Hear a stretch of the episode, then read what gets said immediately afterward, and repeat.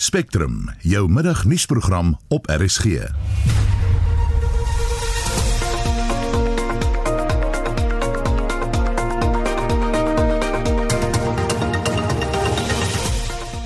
En in die program die IDM vra dat 'n tussentydse regering oorneem by die ANC weens dreigende onrus.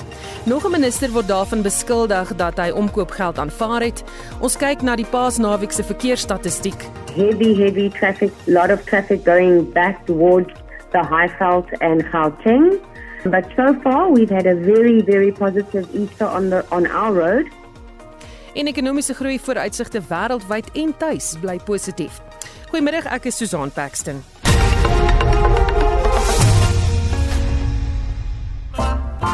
Elke naweek in RSG Deernag kan jy luister na Omnibus van beide die oggend- en aandboekvoorlesing.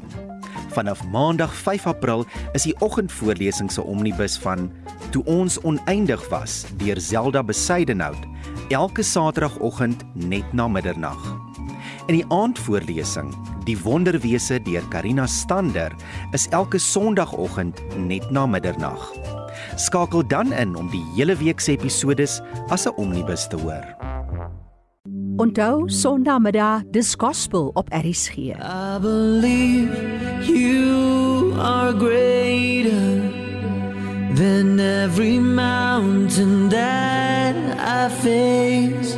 Loof en aanbiddings en gospelmusiek Sondag van 5uur tot 6uur saam met my Jackie January.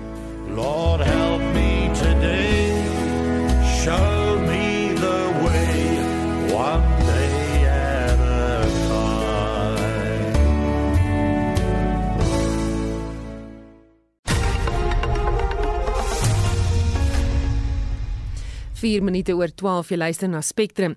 Die leier van die IDM, generaal Bantu Olomisa, vra dat 'n tussentydse regering gestig word te midde van toenemende onmin binne die ANC. Dit volg op dreigemente deur ondersteuners van oud-president Jacob Zuma en die sekretaris-generaal Ys Magashule om die land tot stilstand te dwing nadat daar besluit is om streng op te tree teenoor partylede wat by korrupsie betrek word. Olomisa vra verder dat ondersoek ingestel word na beweringe dat die minister van verdediging, Nosiviwe Mapisa Nkakula, omkoopgeld ter waarde van 5 miljoen rand aanvaar het tussen 2017 en 2019. En vir meer hieroor praat ons nou met die leier van die IDM, generaal Bantu Olomisa. Goeiemiddag generaal. Uh goeie goeie goeiemôre. Ek sê vir my, let's start with the call for an interim government. Why is it necessary you think? We read during this past Sunday that uh, uh, the ANC is literally imploding, and to that extent, there are those who are threatening to get involved into civil disobedience campaign against the same members of the ANC. So we feel that uh, we, in the event that such a threat do take place, we must have a contingency plan. And that contingency plan would be not to maim uh, maim the, the, the, the protesters or shoot them or kill them, but that we should say, notwithstanding the fact that you were given a mandate to run this country, but if now you are fighting amongst yourselves, and uh, and the reason for such fight is because of uh, your uh, of, of, of, of you wanting to loot more resources of the state. Can the executive of the of the government uh, be uh, forced to resign, and Parliament con- at the civil society must have uh, form a government, an interim government, and in doing so, the Constitutional Court can give guidance on how to address this issue because it's a crisis, not a normal situation. Hmm. In our democracy or constitution, how you know do you go about setting up an interim government? Well, the interim government normally is formed when there is a crisis. You are not going to find that in the constitution, maybe, I'm not sure. But we am trying to avert a situation where the ANC fighting each other and in the process others will use the state resources to to suppress the views of others. And what is your next step regarding this? Well, the next step will depend as to whether this civil disobedience a campaign they have been threatening to do, do kicks off. For now, I'm throwing it as a debate to the South Africans that let us have Plan B ready. Let's move the conversation to the Minister of Defence and Military Veterans. Uh, where do the allegations of bribes amounting to 5 million rand come from? Uh, well, the allegations came to to us anonymously, and we felt that uh, let us uh, refer it to the relevant committee in Parliament. If they don't want to investigate, it's their own business. But we are not going to hide or sit on information seriously as that one. And why should Parliament investigate this? Parliament is the responsible is is, resp- is responsible for doing oversight over the executives.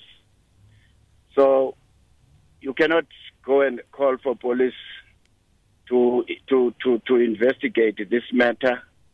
The minister first must be given an opportunity to respond, and then the the the, the, committee in Parliament might need to look at the timelines as contained in that letter and want to verify from the minister did you go to this country were you in this function this day is it true that uh, you ask money if it she denies the investigation kicks in but it, it will never be done by police they don't have capacity to do that It's not the first time that the minister is implicated in a controversial matter. Do you think she's fit to hold a position?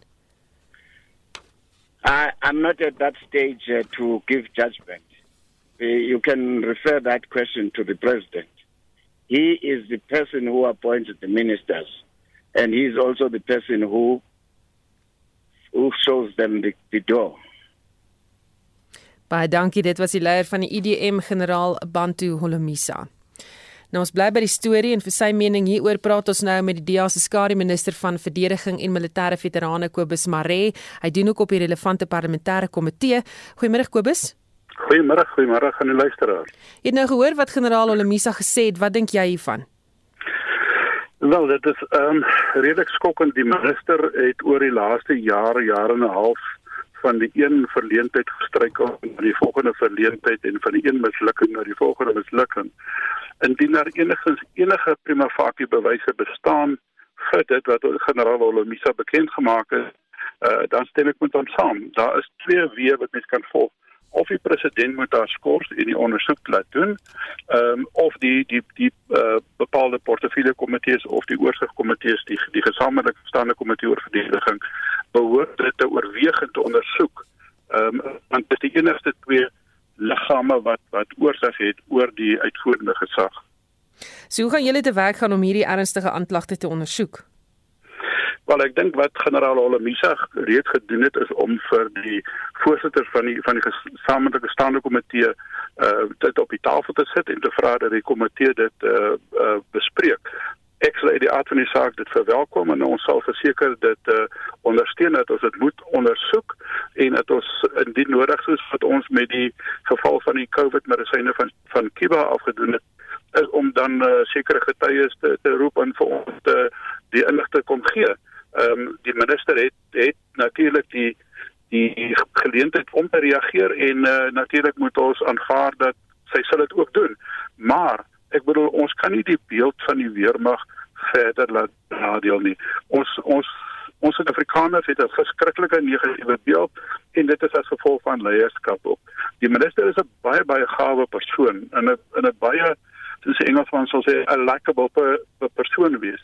Maar ek wil dit maak jou nie uh, geskik vir die posisie nie en ek dink dat uh, sy behoort eintlik die eerbare van die weg te volg en in in te bedank alternatiefelik bo die president te doen maar ons weet ook haar man is sy veiligheidsraadgewer so dit is waarskynlik onwaarskynlik uh, dat die dat die president haar sal uit uit uh, uit die pos verwys. Van nou jou vra is daar die politieke wil om haar aanspreeklik te hou.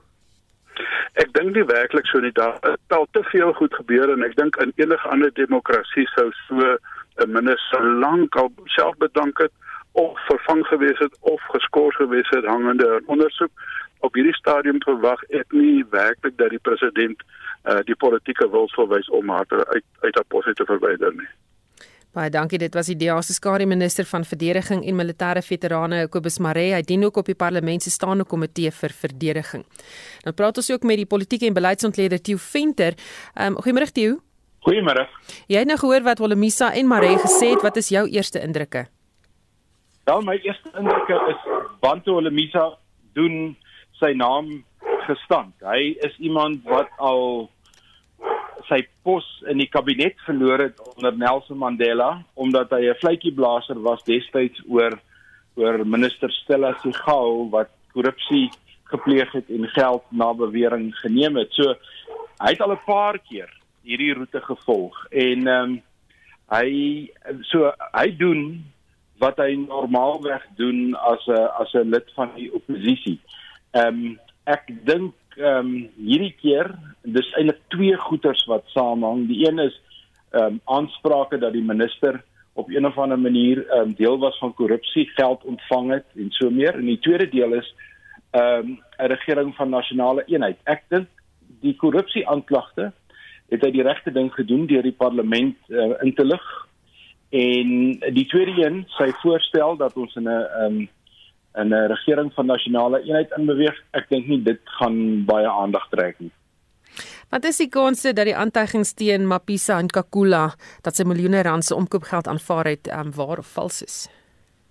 kyk dis baie moeilik om te sê sonder uh, ondersoek en die artikel um, is natuurlik geplaas deur uh, 'n joernalis die van van Wa-Afrika wat al 'n paar keer goed geskryf het waaroor mense twyfel. So ek dink selfs daar is daar 'n bietjie twyfel oor wat is die bron, wat is die status, maar die minister self was al 3 of 4 keer in groot moeilikheid gewees um, en ek dink haar posisie in die kabinet is 'n baie baie brose een op hierdie oomblik. Ehm um, ek dink die DA se verteenwoordiger het reg uitgewys en dit staan in die artikel ook dat haar man Charles Takula is baie naby aan die president. Dit bemoeilik natuurlik sake. Maar ek dink van dat sy oorgeneem het van daardie gebeure waar sy iemand wat uitvlieg het met 'n militêre vliegtyg Suid-Afrika toe van uit 'n Afrika land uit en die uh gebrek aan optrede en die vlug na Zimbabwe 'n jaar of 2 terug waarop Ysma Gashule was en dies meer is haar posisie as minister van verdediging en en veterane 'n nie baie sterk posisie nie. Wil sy nog die minister wees? Was daar nie sprake daarvan dat sy wou bedank nie? Nee, ek dink nie dit nie. Ek dink nie so nie. Ek dink ehm um, as 'n mens wil bedank, dan is daar niks vir te verhoed om te bedank nie. Ek dink die meeste van die ministers bly in hulle poste vanweë die voordele wat uit die poste uit voortspruit en natuurlik 'n soort van 'n verantwoordelikheidsbesef en 'n en 'n en 'n verbintenis en 'n lojaliteit teenoor die regerende party. Alhoewel mense baie keer dink die lojaliteit is 'n bietjie skeef getrek maar uh, nee ek dink as sy wil kan kon sy. Daar is al, daar is al ministers wat bedank het um, in uit die uit die kabinet uit soos minister Nene so dis nie onmoontlik om te bedank nie. Onder haar, hoe vaar die weermag? Die weermag se probleem is baie groter as wat die meeste mense dink. En die grootste deel van die van die probleem is die weermag se onvermoë om met sy huidige begroting uit te kom. Tot die mate dat die begrotings ehm um, uh toe toewysing van die weermag in reële terme eintlik elke jaar minder word. Ehm um, die weermag het verskillende syfers wat hulle aanbied, maar die werklike syfer is 80% van die weermag se begroting gaan aan salarisse.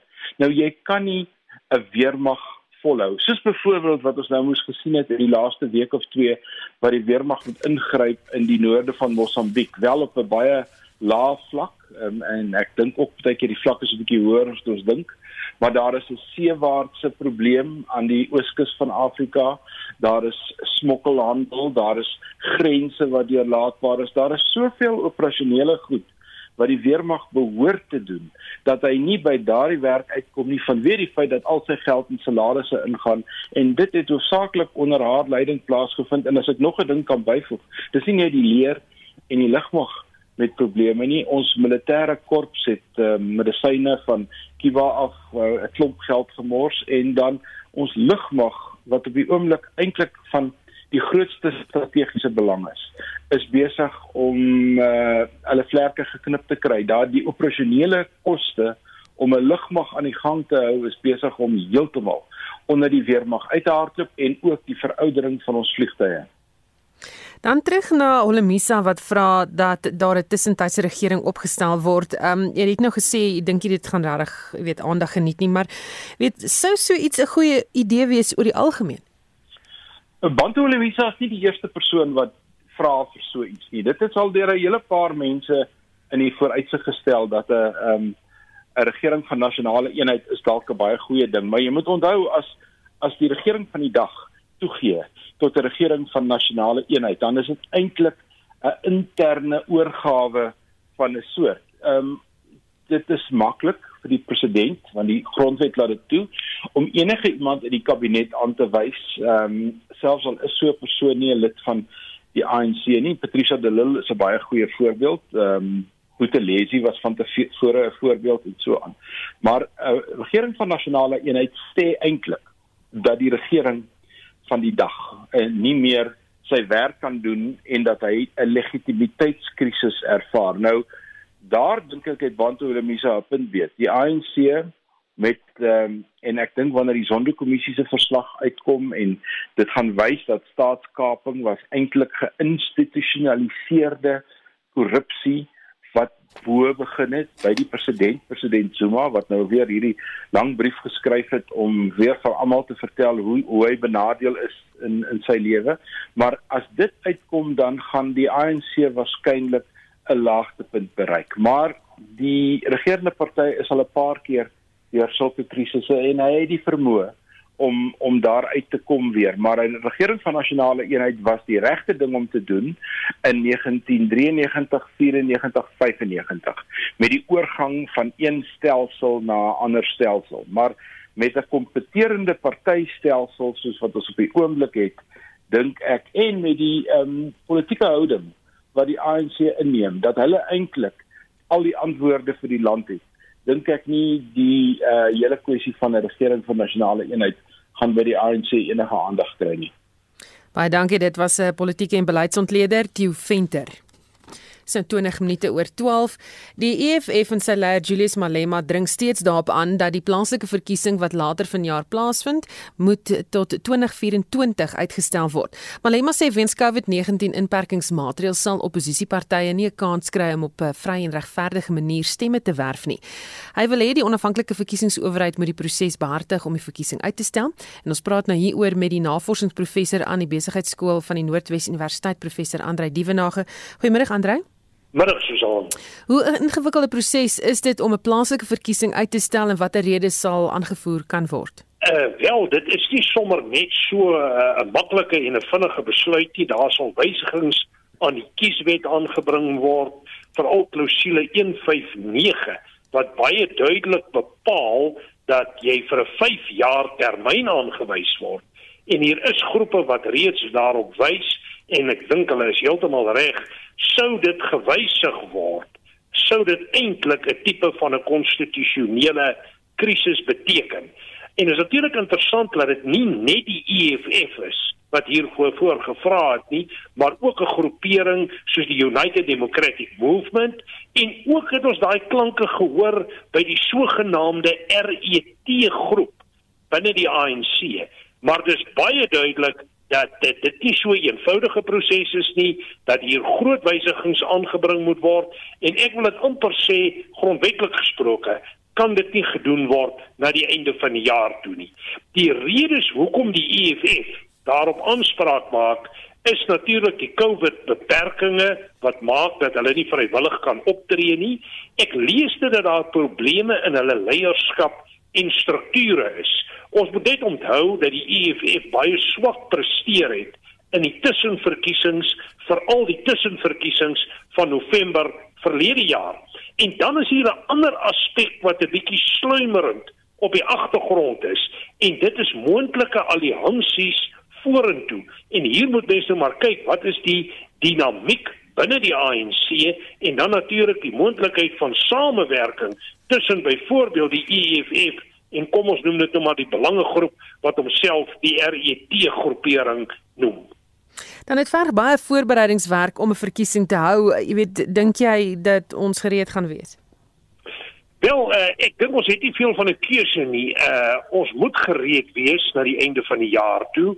Uh wat vir my wel baie duidelik is, is dat talle politieke partye nie gereed is nie. En hier dink mense in besonder aan die ANC wat nog ten minste 4 provinsiale verkiesings moet hou. Hulle moet 'n nasionale algemene raadsvergadering, sommige praat van 'n hoofraadsvergadering, moet hulle nog hou. So hier is 'n klomp goed wat in plek moet kom. En natuurlik as ons kyk na 'n plaaslike verkiesing, is dit 'n geweldige logistiek om dit ook te hanteer binne die beperkings van 'n COVID omgewing gaan uiteraard nie maklik wees nie en dan moet ons ook in gedagte hou dat die Suid-Afrikaanse politieke bedeling op die oomblik relatief onstabiel is dat hy nie uh, hy voor groot uitdagings staan polities, maatskaplik en ook ekonomies. En al hierdie faktore speel 'n rol. En dan wil ek 'n ander punt ook hier byvoeg. Ons moet onthou dat hier 'n konstitusionele hof besluit is wat eintlik sê dat die kiesstelsel nie heeltemal belyn is met die grondwet nie, dat nie net politieke partye kan staan binne die sogenaamde lys proporsionele stelsel nie, maar dat daar ook ruimte gelaat moet word vir individue. En dit beteken redelike verrykende aanpassings aan die kiesstelsel. En dis ook 'n motivering vir waarom sommige groeperinge glo dat die verkiesing uitgestel moet word en eenvormig gemaak moet word by 'n later geleentheid. Baie dankie, dit was die navorsingsprofessor aan die Besigheidsskool van die Noordwes Universiteit professor Andrei Dievenage. Ekonomiese groei vooruitsigte wêreldwyd bly positief ten spyte van 'n moontlike derde vlaag COVID-19 infeksies wat dreig om lande se ekonomieë weer lam te lê. Hier plaaslik verwag ekonome ook goeie ekonomiese groei na verlede jaar se inkrimping weens die pandemie. Die Noordwes Universiteit Besigheidsskool se jongste beleidsonsekerheidsindeks het wel in die eerste kwartaal van die jaar effe gekrimp teenoor die vierde kwartaal van 2020. En ons praat nou met die ekonom van die Noordwes Universiteit, professor Waldo Kriel. Goeiemôre Waldo. Maar Susan. Hoe het die indeks vertoon? Susan, die nuutste voorslag uh, wys dat onsekerheid is nog hoog. Die indeks is in negatiewe terrein, uh, maar dit het oor die laaste twee kwartale so bietjie verbeter. Nou wat is die grootste bydraende faktore tot hierdie uitslag van die indeks? Eh, die grootste positiewe faktor wat onsekerheid verminder is hierdie goeie groei vooruitsigte, wat veral met die internasionale ekonomie getrek En uh, terwyl ek nou hierdie vraag vra, miskien moet ek dalk net vir so 'n bietjie links of regs beweeg, voel vir my daai lyn wil wil ehm um, jy weet waar raak. Maar is uh, jy egter nog optimisties dat die ekonomie sal beter vaar die jaar? Absoluut. Uh, die ekonome voorspel die ekonomie gaan hierdie jaar enigiets tussen 2 en 4,5% groei. So dis lekker wye band daar en dit dit word maar gedryf deur goeie internasionale vooruitsigte en ook die idee van uitgestelde vraag uh, wat in Suid-Afrika nou 'n bietjie opgehoop het tydens die inperking en dat mense hopelik gaan begin bestee wanneer ons nou regtig weer kan rondbeweeg. Wat's van die negatiewe faktore wat nog beleidsonsekerheid aanvuur volgens die indeks? Susanna grootte is die stadige wegspring met die inentingsprogramme. Die, die ekonomie gaan nie regtig weer teen volstroom loop voor daar nie baie meer mense ingeënt is nie. Daar is ook risiko's rondom die implementering van die begroting en die grootte is die besnoeiing van die staat se salarisrekening. Of daai onderhandeling suksesvol gaan wees uh, vir die minister van finansies se oog. Uh, voortgesette beheerkrag uh, blye vraagstuk en dan is daar ook maar die faksiegevegte binne die ANC en die interaksie van dit met die strukturele hervormings van die ekonomie wat nodig is. Dit alles skep onsekerheid. Iets wat interessant is is die verwikkelinge op internasionale markte veral in die lig van die Amerikaanse ekonomie wat nou geëvalueer word om te sien of alle planne daardie ekonomie wel sal stimuleer. Dis reg, die Amerikaners het nou hulle stimulus checks ontvang en maatskappye wag eintlik nou maar om te sien hoe daardie geld besteed gaan word. Uh, ek het 'n uh, Bloomberg opname gesien wat sê so 34% van mense wil daai stimulus geld spaar.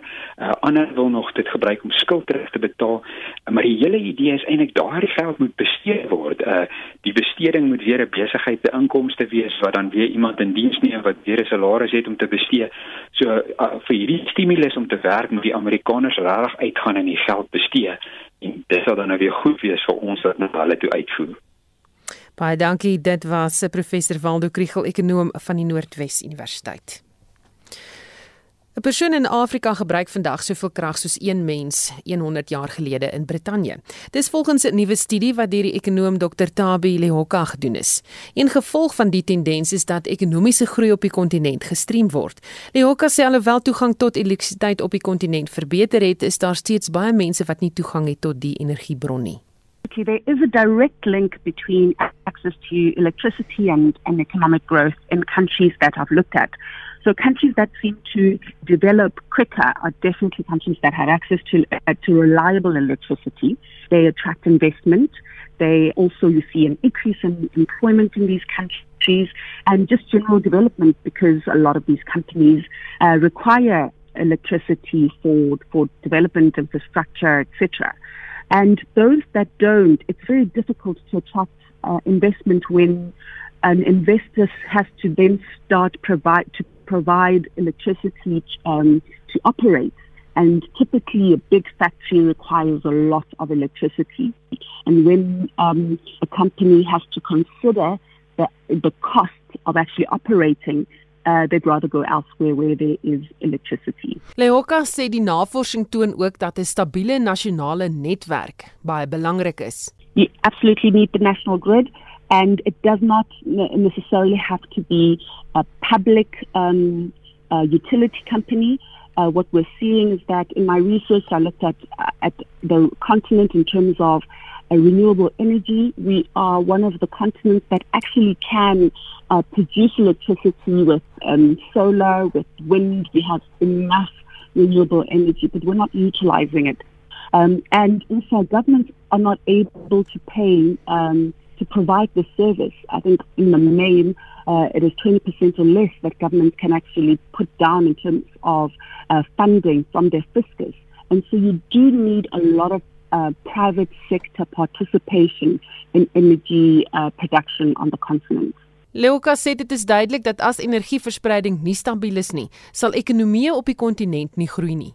Absolutely, and that's what we're seeing now that our companies are struggling because of uh, unreliable electricity and also the electricity hike that happened in, on the 1st of April um, has put a lot of companies in a very precarious position, which they are already in because of the pandemic.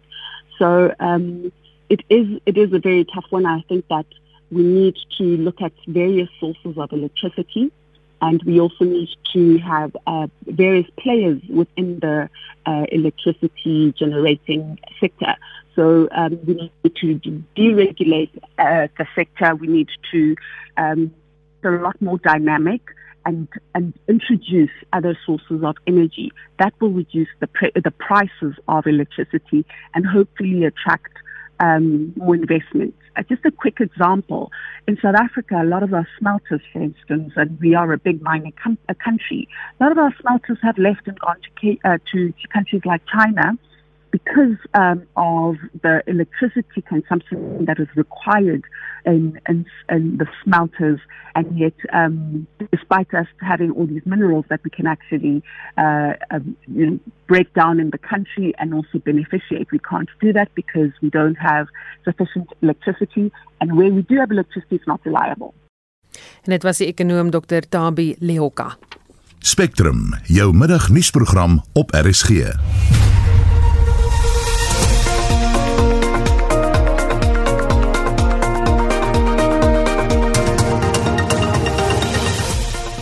Hoofnuus in Spectrum vanmiddag die leier van die EDM generaal Bantu Olemisa eis dat die parlement die minister van verdediging Nosiviwe Mapisa Nkakula ondersoek weens beweringe dat sy omkoopgeld ter waarde van 5 miljoen rand aanvaar het tussen 2017 en 2019. The minister first must be given an opportunity to respond.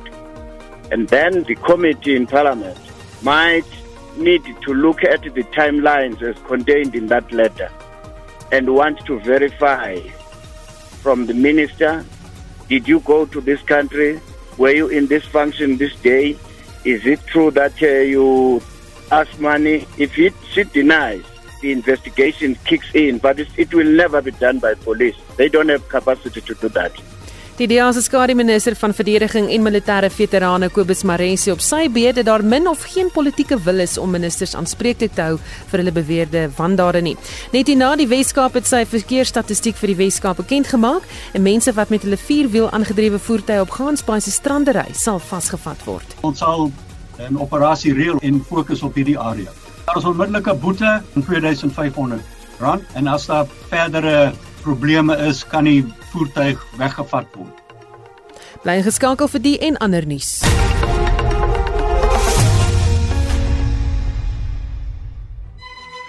In dis opera op 11 April luister ons onder andere na Beatrice Benedict van Berlioz, Le Contori van Rossini, Le Lésir d'amore en Lucia di Lammermoor van Donizetti, Ernani en I Vespri Siciliani van Verdi en Medea van Cherubini.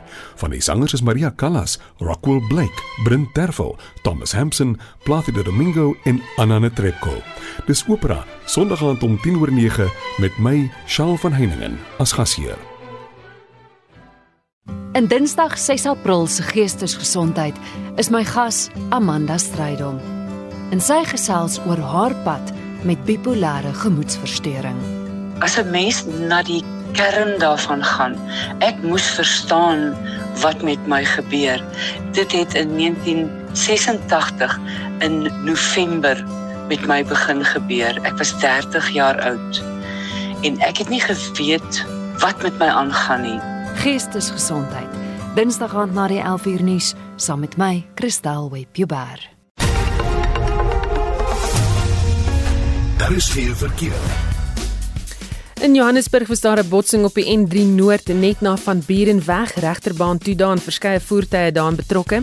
Dan Pretoria staan 'n voertuig op die N1 Suid net na die Brakfontein wisselaar in die regterbaan en daar staan 'n vragmotor ook by die N3 Suid of op die N3 Suid by van Burenweg.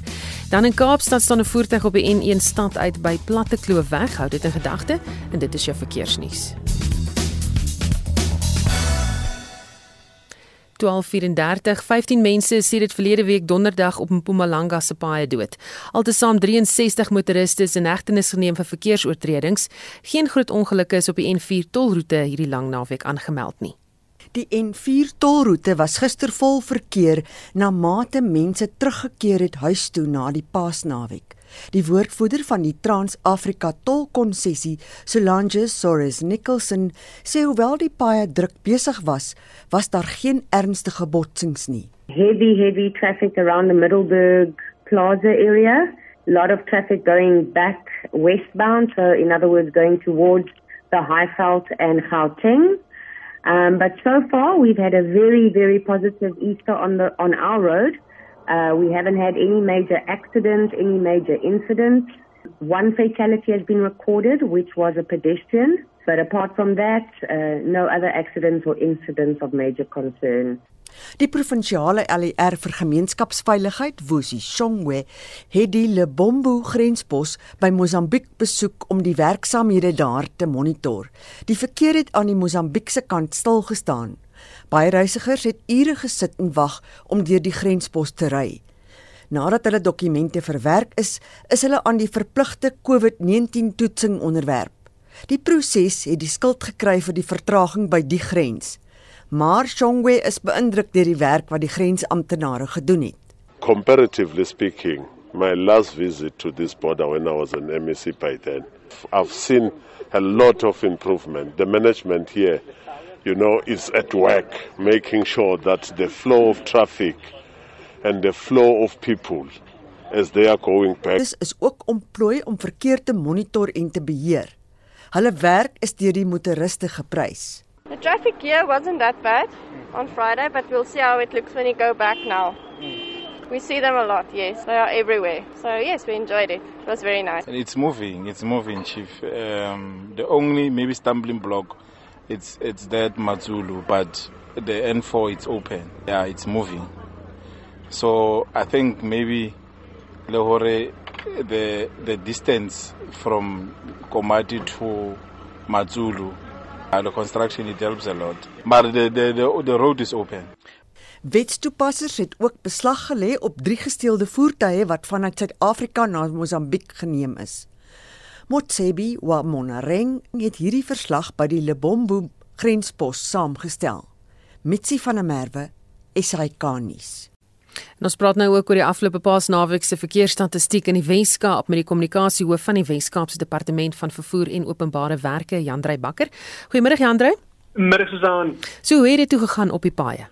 Jong, ons kan uh, ons het 'n paar suksesse om te vier. Ehm um, as ons kyk na die lang naweek 1 tot 5 April het ons altesaam 240 geïntegreerde padblokkades, voertuigkontrolepunte en spoedbeheeraksies uitgevoer en 19707 voertuie is gestop en nagegaan.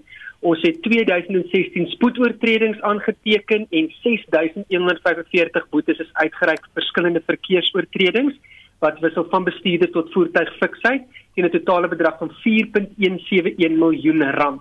Nou vra mense vir ons baie keer hoe bepaal jy 'n voertuigfiksheid? Jy weet, hoe weet jy my remme is nie is nie wat hulle moet wees nie? Ons het mobiele toetsstasies. So ons vat jy nie meer na toetsstasie toe nie. Ons het 'n masjien wat ons aan die kant van die pad parkeer en dan kan ons goed kyk soos jou remme, jou ligte, jou ehm um, stuurstang, al daai tipe van goed.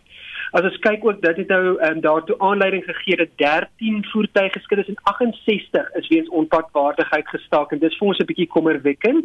'n Hoogste snelhede was ook vir ons 'n bietjie kommerwekkend, 183 in 'n 120 km/h sone, 156 in 'n 100 km/h sone. So die ouens was redelik haastig, maar ons het hulle ingewag en ons het hulle gekry. Ehm um, altesaam 49 aanklagte is ingevolge die wet op rampbestuur gelê, so dis nou COVID regulasies en ons het 170 000 rand se boetes vir dit uitgereik. En dan as ons spesifiek na die naweek kyk, altesaam 22 arrestasies is gemaak vir die volgende oortredings, 7 vir bestuur onder die invloed van alkohol, en ons onthou ons het vroeër gepraat van 9, maar daai ander twee buite die verslagtydperk geval. 5 vir bedrieglike dokumentasie, 4 vir spoed en ons het hulle snelhede reeds vroeër genoem, 5 vir roekelose nalatige bestuur en 1 vir omkopery. Die ongelukkige gedeelte van hierdie verslag is die sterftes wat ons aangeteken het oor die lang naweek. Daar was 23 noodlottige botsings in die verslagtydperk en 25 sterftes is aangeteken. Ag van daai sterftes was bestuurders, twee was motorfietsryers, twee was passasiers en 13 was voetgangers. So dit beteken amper 57% van die padsterftes hierdie naweek was voetgangers. En sê vir my, ehm um, gaan julle aanhou met 'n uh, streng pad veiligheidsveld tog al is die Paasnaweek verby? Absoluut. Ehm um, dit gaan ons voorspel dat die pad redelik besig gaan wees um, van nou af tot na die tradisionele skoolvakansie wat later in die maand is. En onthou vir ons is dit ons wil eintlik buite op die pad wees en die heeltyd ehm um, wetstoepassing toepas en niemand vang nie. Want dit beteken dan dat die ouens die wet gehoorsaam hou. So absoluut ons gaan nou ons vang nou spoed soos die soos die man kan sê, ehm um, wat nou heeltemal dwars hierdie jaar gaan wees in ons provinsie glo dat in om 24/7 wetstoepassing toe te doen. So ons mag dalk 'n bietjie die ouens nou op, op korter skofte sit, sodat hulle gaan nie noodwendig meer ehm um, as dit in Engels sê overlap nie, maar hulle gaan nog steeds 24/7 op die pad wees um, om seker te maak dat die ouens veilig by hulle bestemmings uitkom. En dit is 'n groot hoeveelheid boetes wat jy uitgereik het. Ehm um, jy weet dit sê aan een kant vir hoeveel voertuie was op die pad gewees of almal wat gery het omtrent 'n boete gekry. Dit nou daai is nou die as jy sê die mooi en daai wil omskep as ons gaan kyk oor daai periode vanoggend se statistiek het vir my gewys 420 000 voertuigbewegings in ons area wat ons gepatrolleer het en ons het net 6000 boetes uitgeskryf. So dis 'n klein hoeveelheid mense eintlik wat die wet oortree. So dis 'n klein hoeveelheid swak appels, maar dis daai swak appels wat 'n groot impak op padveiligheid het en dis hulle wat ons wil aanspreek en van die pad wil afkry. Ehm um, of net wil sê, hoorie, join the 99.9% club. Ehm um, kom wees deel van die ouens wat die wet gehoorsaam, wat veilig by hulle bestemmings uitkom, wat nie te vinnig ry nie, wat seker maak hulle voertuie is padwaardig want eh, soos jy weet in baie van die gevalle is dit die onskuldige ou wat van vooraf ry en 'n dronk bestuurder ry en hulle vat en hulle verloor hulle lewe. Dis 'n persoon wat van vooraf ry met sy motor wat hy baie mooi na kyk, sy bande is nie glad nie. Iemand kom van vooraf met gladde bande, hy's oorlaai, hy verloor beheer oor die voertuig en hy ry 'n onskuldige persoon vas. So ons wil daai slegte appels uit die uit die proses en uit die stelsel uitkry sodat ons kan 'n uh, veilige paaie kan hê. Nou daar was ook 'n groot fokus op verkeersbeamptes en korrupsie en omkopery enige probleme daai kant. Ons het uh soos ons sê 'n zero tolerance approach vir ehm um, vir ouens wat ons probeer omkoop. Dit is waarom ons uh laat ek net gou hierdie statistiek net weer doodseker maak. Dis waarom ons een persoon vir omkopery uh in hegtenis geneem het.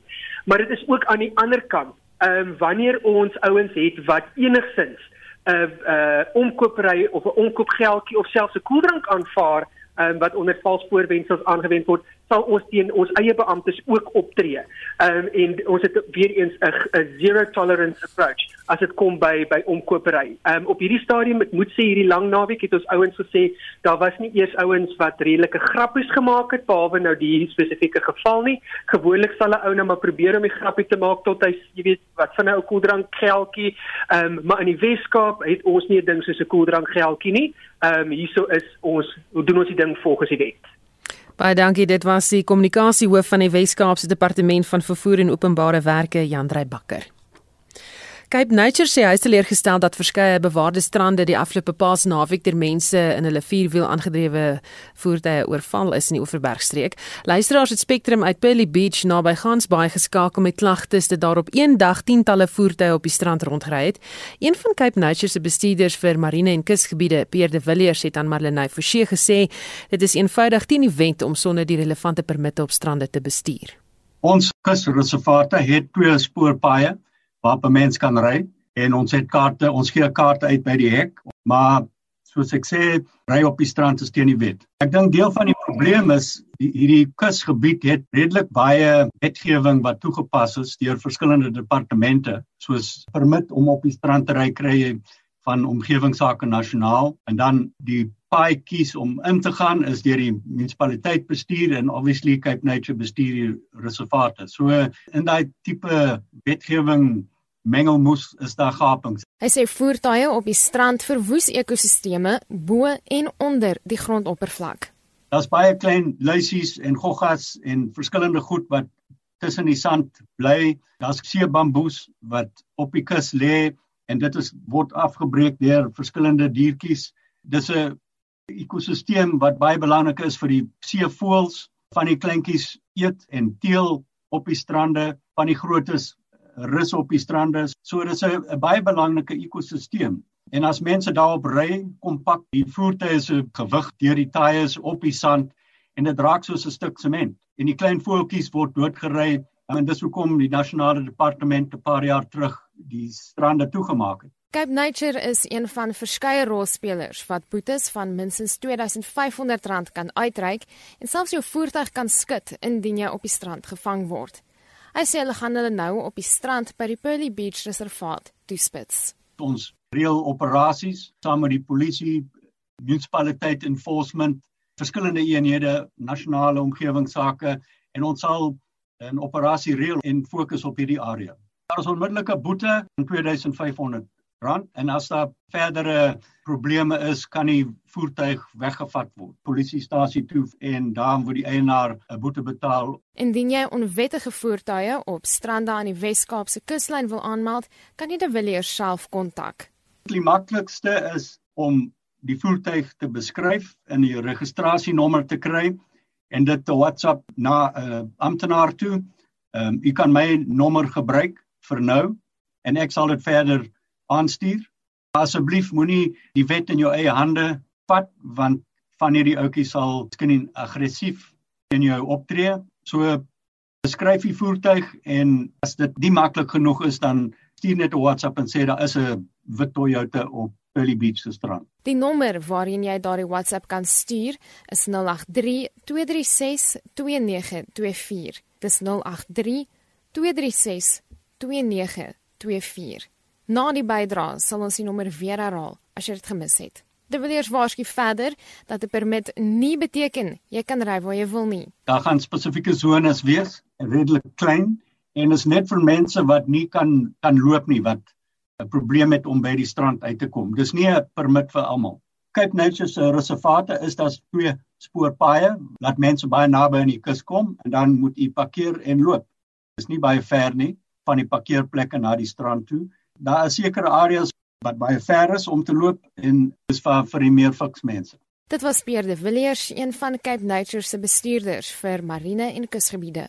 Marine Forsie hy konnies.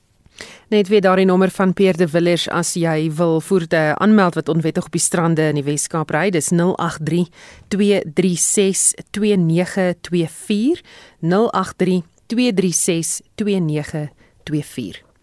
Ons beweeg na die sportveld met Shaun Jooste. Ons val weg met cricketnuus en herinner graag dat die derde en laaste, ook die beslissende wedstryd van die eendagreeks tussen Suid-Afrika en Pakistan môre op Supersport Park in Centurion plaasvind.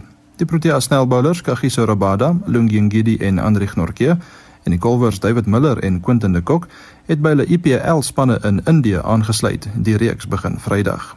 Die spelers sal dus ook die T20 reeks tussen Suid-Afrika en Pakistan misloop. Op die sokkerveld word die UEFA Kampioenligga weer voortgesit. In die eerste been van die kwart eindstryde met Manchester City vanaand teen Borussia Dortmund en Real Madrid teen Liverpool kragte. Beide wedstryde skop 9 uur af.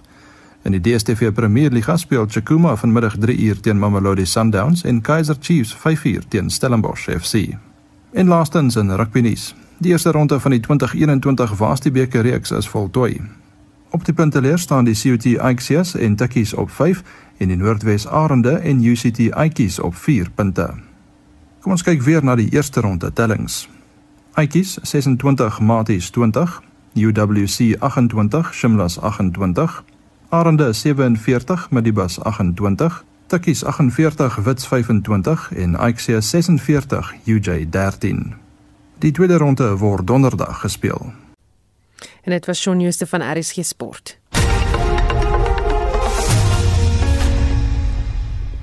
Spectrum het gister berig oor die watertekorte in Sandra en Mpumalanga.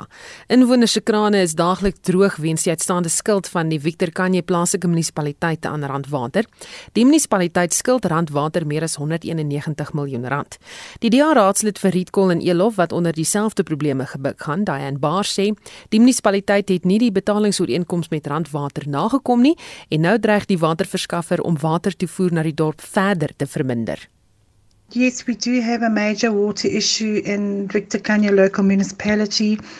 Because the municipality um, have defaulted with their agreement in paying off Rand Water, Rand Water has throttled the, the inflow at the Mortar B and the Bloomingdale um, pipeline by 50% in January 2021. However, um, it was reduced.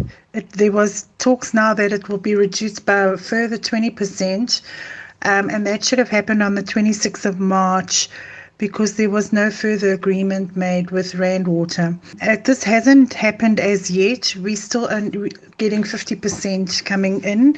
So Rand Water hasn't throttled it further by 20% as yet. We're not sure if they might only do it after the Easter weekend. So we, we really keeping um, our ears on the ground. Randwater did summons the municipality um, for the 191 million rand. However, the municipality are taking them to court. Um, so there is a process that's being followed at the moment. The Human Rights Commission is aware of the situation. There is water provided to all the residents, Sandra Recall and um, Yelof usually every second or third day, depending on how quickly the, re- the Sandra Reservoir can fill up. There's also communal JoJo tanks. The only problem is there's only three water tankers in the whole of Victor Kanya that are providing water to the farms, informal settlements, and then to Sandra Rico and Elof in the communal JoJo's. So that is quite a, a challenge at the moment. Baar sê daar's ook geen kommunikasie van beide die waterverskaffer en die munisipaliteit nie. We've been fighting it and trying to get answers from the mayor for as going back to 2017. Every time they have made payment arrangements, however, when they default, then it does take time for Randwater to respond. Ideally, Randwater should have summoned the municipality right in the beginning and they should never have throttled the water inflow to residents that are paying. It's just they're holding the, the residents at ransom and the municipality are the ones that have defaulted and should be held accountable. They should rather then attach to the municipal bank account or um, should have summoned them much earlier in the in the in the stage so that um, there could have already been you know progress made. Baar sê die saak is tot op die hoogste vlak moontlik aangemeld sonder enige resultate. Everyone is aware of the situation in national parliament, in the provincial legislature, like I said the Human Rights Commission, every possible organization that you can think of, even AfriForum just so that they can put pressure on our um, municipality so we're now waiting for, for feedback to find out now whether um, when the court date will be for the municipality to take Grandwater to court. Before this happened again, we did uh, submit 4,000 signatures to the MEC MCB, who was the MEC for Kokta, in Mpumalanga province. And the ANC have decided, well, the provincial legislature have decided not to put the municipality under um, administration. They rather support the municipality funding together with COCTA and provincial um, legislator. En dit was die DA raadslid vir Hiet Colin Elof Diane Bar wat gepraat het oor die waterprobleme in die Victor Kanye munisipale gebied. Dan word geraam dat daar sowat 6000 informele behuisingsstrukture opgerig is op die Tygerberg renbaan in Kraaifontein in die Wes-Kaap. Die Wes-Kaapse regering beraam dat daar sowat 20000 mense daar woon. Die situasie het tydens die inperking vererger. Esie de Klerk doen verslag.